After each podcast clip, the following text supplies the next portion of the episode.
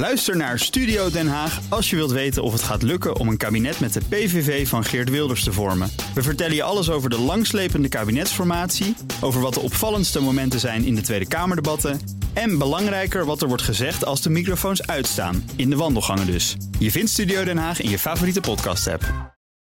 Auto-update. Inderdaad, een Nout Broekhoff van de Nationale Autoshow. Nou, goedemorgen. Goedemorgen, Bas. Problemen voor Volkswagen. Nou, oh ja, dat kan een aparte aflevering worden, denk ik. Problemen voor Volkswagen, deel 500. Wat is de hand? Corona-uitbraak bij een van de leveranciers. Eh, dat heeft gevolgen voor de productie in de fabriek van Wolfsburg... waar de golf eh, van de band eh, Ja. rolt.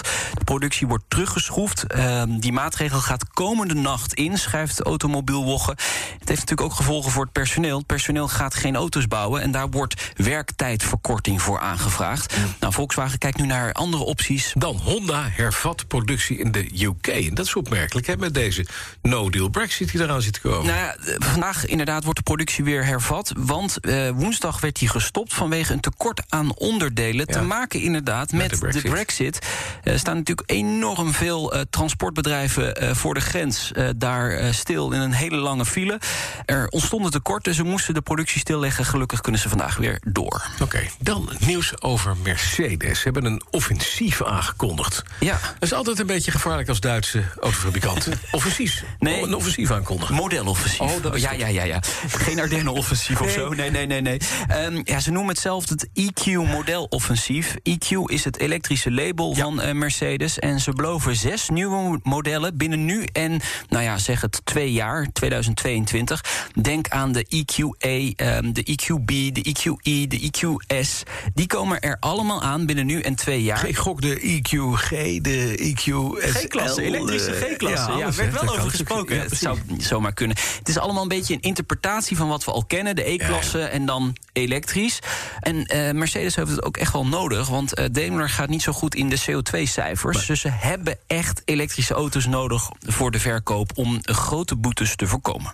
En dan vind ik interessant. Dit is een, een mooi stukje. Peugeot geeft meer informatie prijs over een op handen zijnde hypercar. En daar hebben ze al een keer volgens mij stukjes van laten zien. Gewoon het- een lampje en een, en een voorkantje. Ja, dat klopt. Omdat ze werken toe naar de 24 uur van Le Mans in Ja. 2022. En daar komt een nieuwe klasse, de Hypercar-klasse. Ja. En daar gaan zij aan meedoen. Peugeot stapt dus weer gewoon in, In de, auto, ja, in de autosport. Ja. En vandaag hebben ze wat meer eh, bekendgemaakt eh, over de aandrijflijn van die auto. Een 2,6 liter V6-motor. Joepie! En eh, ja, wel gekoppeld aan een e- elektromotor. Ik, ik een hypercar, hè? Ja, Ja, het is een hypercar. Ja.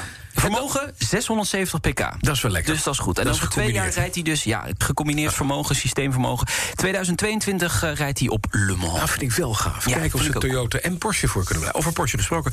Porsche kondigde een leuk speeltje aan. Dit weekend, ja, de 911 eh, GT3 Cup Racer. Ach, leuk. Ja, volledig vernieuwd, gebaseerd op de nieuwe 911, de 992. Ja.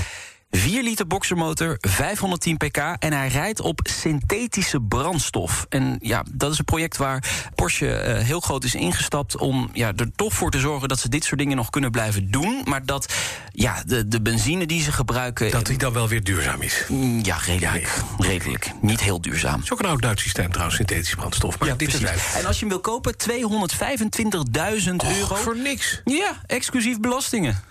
Als hij er nog is. Want mark my words, dit is een clubsport. Dit is een eh. GTS. Dat gaat zo Dat gaat snel zo snel, naar verzamelaars toe. Nou. En dan heb je nog nieuws over die superbus van Weile Wubbel Okkels. Dat is dat ding dat heel hard kon rijden. hè? Ja, eh, 15 meter lang, Ja. 23 eh, passagiers. Eigenlijk, het was zijn droom om deze ja, superbus eigenlijk in te zetten tussen Amsterdam en Groningen. Eigenlijk Ja. een soort snelverbinding. De trein. Maar dan op precies. Ja. Helaas, hij is overleden, maar hij heeft wel eh, die bus toen eh, gepresenteerd. Ja. Mhm. eh, volgens mij tien jaar geleden of zo. En die gaat vandaag op transport. Ja, hij gaat helaas niet zelf de weg op, maar op transport naar het Nederlands Transportmuseum. En daar wordt hij vanaf, denk ik, deze week tentoongesteld. Hij heeft nog nooit een meter Nee, tussen jammer, hè? Dat, dat weer niet. Het is wel een gaaf project Ja, eigenlijk. het was een leuk project. Ja, maar helaas. Maar er stond al een trein. Dankjewel. De BNR Auto Update wordt mede mogelijk gemaakt door Lexus. Nu ook 100% elektrisch.